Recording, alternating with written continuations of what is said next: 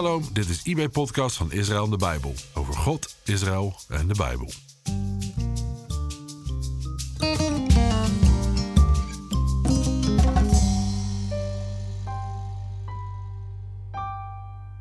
Mijn naam is Jacqueline Lohman en in deze podcast vertellen we het verhaal van de Joodse Sharon.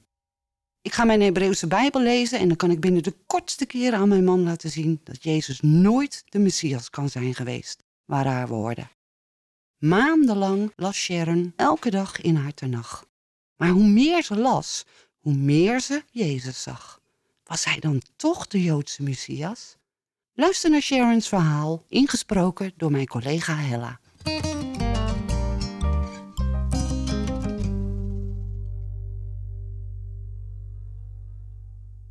Mijn Hebreeuwse naam is Sura Rivka en ik ben in 1945 geboren in New York. Bij ons thuis werd strikt de Sabbat gehouden en mijn moeder hield een koosjere keuken. We bezochten de Hebreeuwse school en waren volledig opgenomen in de Joodse gemeenschap. Ik was nog maar nauwelijks volwassen toen ik trouwde met een man met dezelfde Joodse achtergrond. We kregen een dochtertje, Elisa.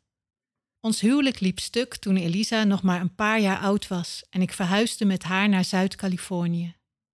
Ik kwam te werken op een makelaarskantoor en daar ontmoette ik Ron Allen, mijn huidige echtgenoot. Ron was niet joods en in naam protestant, maar hij was al sinds zijn tienerjaren niet meer naar de kerk geweest en sprak nooit over Jezus of het Nieuwe Testament. Dat was maar goed ook, anders was het niks geworden tussen ons. Ron wist dat ik joods was en voelde zich ertoe aangetrokken. Hij omarmde onze joodse gebruiken en hield zich er ook ijverig aan. We waren samen actief in de Gabatbeweging en we hadden veel respect voor Mendel en Rachel, de rabbijn en zijn vrouw. Door Mendels persoonlijkheid werd onze interesse in de Joodse levensstijl nog verder versterkt. Zijn vrouw Rachel was warm en intelligent. Ron en ik wisten meteen dat we hier thuis hoorden. Onze gesprekken over bekering tot het Joodse geloof werden dan ook steeds serieuzer. Het stond voor mij vast dat Ron in ieder geval een koosere bekering moest ondergaan. Ik vertelde hem over de drie ceremonies die bij een koosere bekering tot het judaïsme horen. De besnijdenis, een mikva, dat is een ritueel reinigingsbad, en als laatste moest hij voor een bijt din, dat is een raad van rabbijnen, afstand doen van zijn vroegere geloof. Ron ging met alle ceremonies akkoord, behalve de laatste. Jezus kan ik niet verloochenen, zei hij. Ik stond perplex. Ron had het nooit over Jezus of het Nieuwe Testament gehad.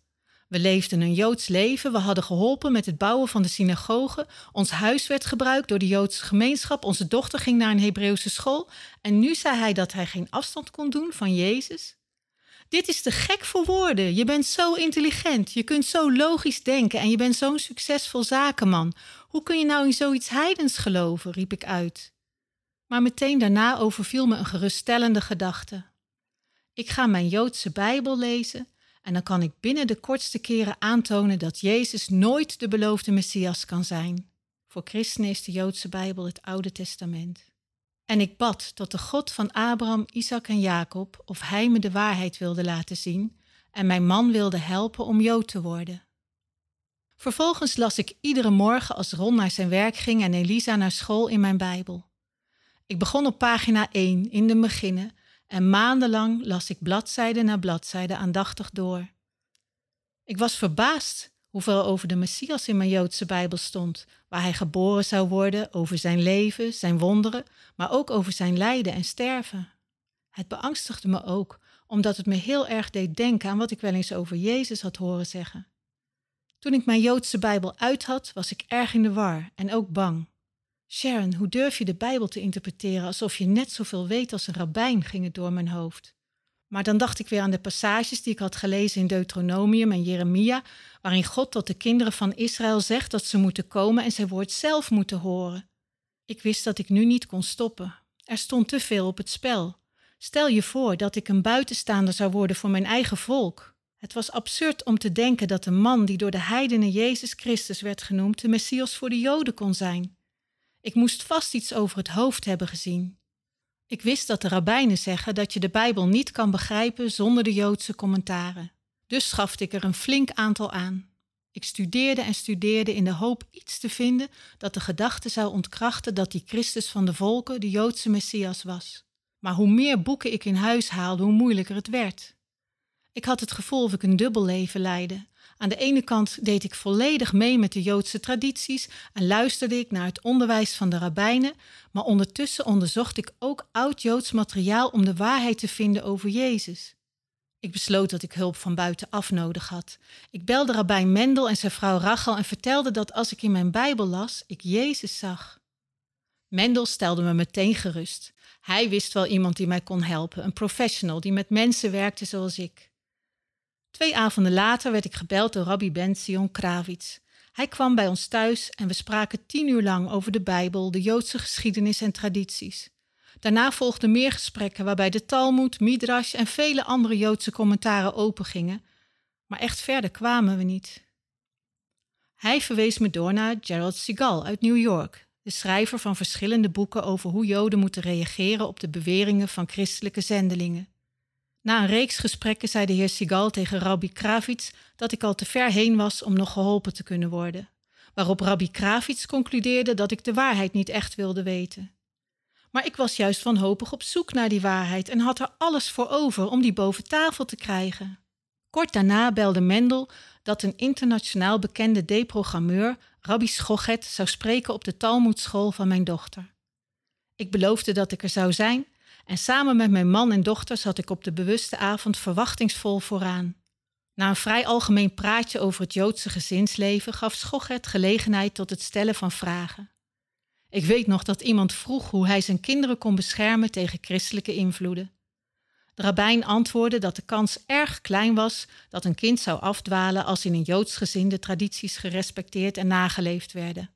Een ander vroeg wat hij moest doen als zijn kind met een vraag over Jezus thuiskwam die hij vanuit de Bijbel niet kon beantwoorden. Dat maakte Rabbi Schochert zichtbaar opgewonden en hij riep naar het publiek: Nooit van zijn leven zal een zichzelf respecterende Jood zich wenden tot die man. Die man is de aanduiding voor Jezus, om zijn naam niet te hoeven uitspreken. Op dat moment had ik het gevoel alsof de rabbijn het tegen mij persoonlijk had. Ik stak mijn hand op en vroeg: Rabbi, wat zou u zeggen tegen iemand als ik, die het Joodse leven kent, het Judaïsme volgt, maar toch, wanneer ze de Joodse Bijbel leest, steeds die man ziet? Mijn vraag sloeg in als een bom. Er volgde een lange discussie over Joodse gewoonten, de Bijbel en andere onderwerpen. Het werd laat en de rabbijn wilde het graag afsluiten. Hij beweerde tot slot iets te gaan zeggen dat mij en alle anderen ervan zou overtuigen dat Jezus niet de beloofde Messias kon zijn. Hij schreeuwde dat Jezus aan het kruis godslastering had gepleegd.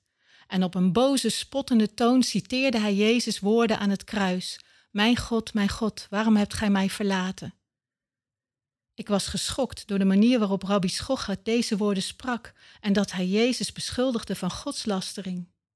Ik vond het ook verbazingwekkend dat de rabbijn in zijn boosheid blijkbaar vergat dat Jezus' uitspraak aan het kruis kwam van onze eigen geliefde koning David in Psalm 22.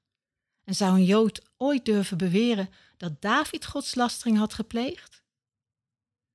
Geheel tegen Rabbi Schocherts bedoelingen in werd zijn argument juist het keerpunt in mijn zoektocht naar de waarheid. Die avond vertelde ik mijn man en dochter: Ik heb geen twijfel meer. Jezus is mijn Joodse Messias.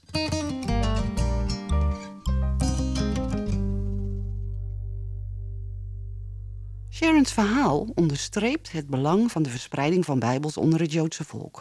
Gods woord verklaart altijd zichzelf en geeft duidelijkheid. Door zijn Bijbel kan hij Joodse harten aanraken, zoals hij ook bij Sharon heeft gedaan. Ik hoop dat je genoten hebt van haar getuigenis.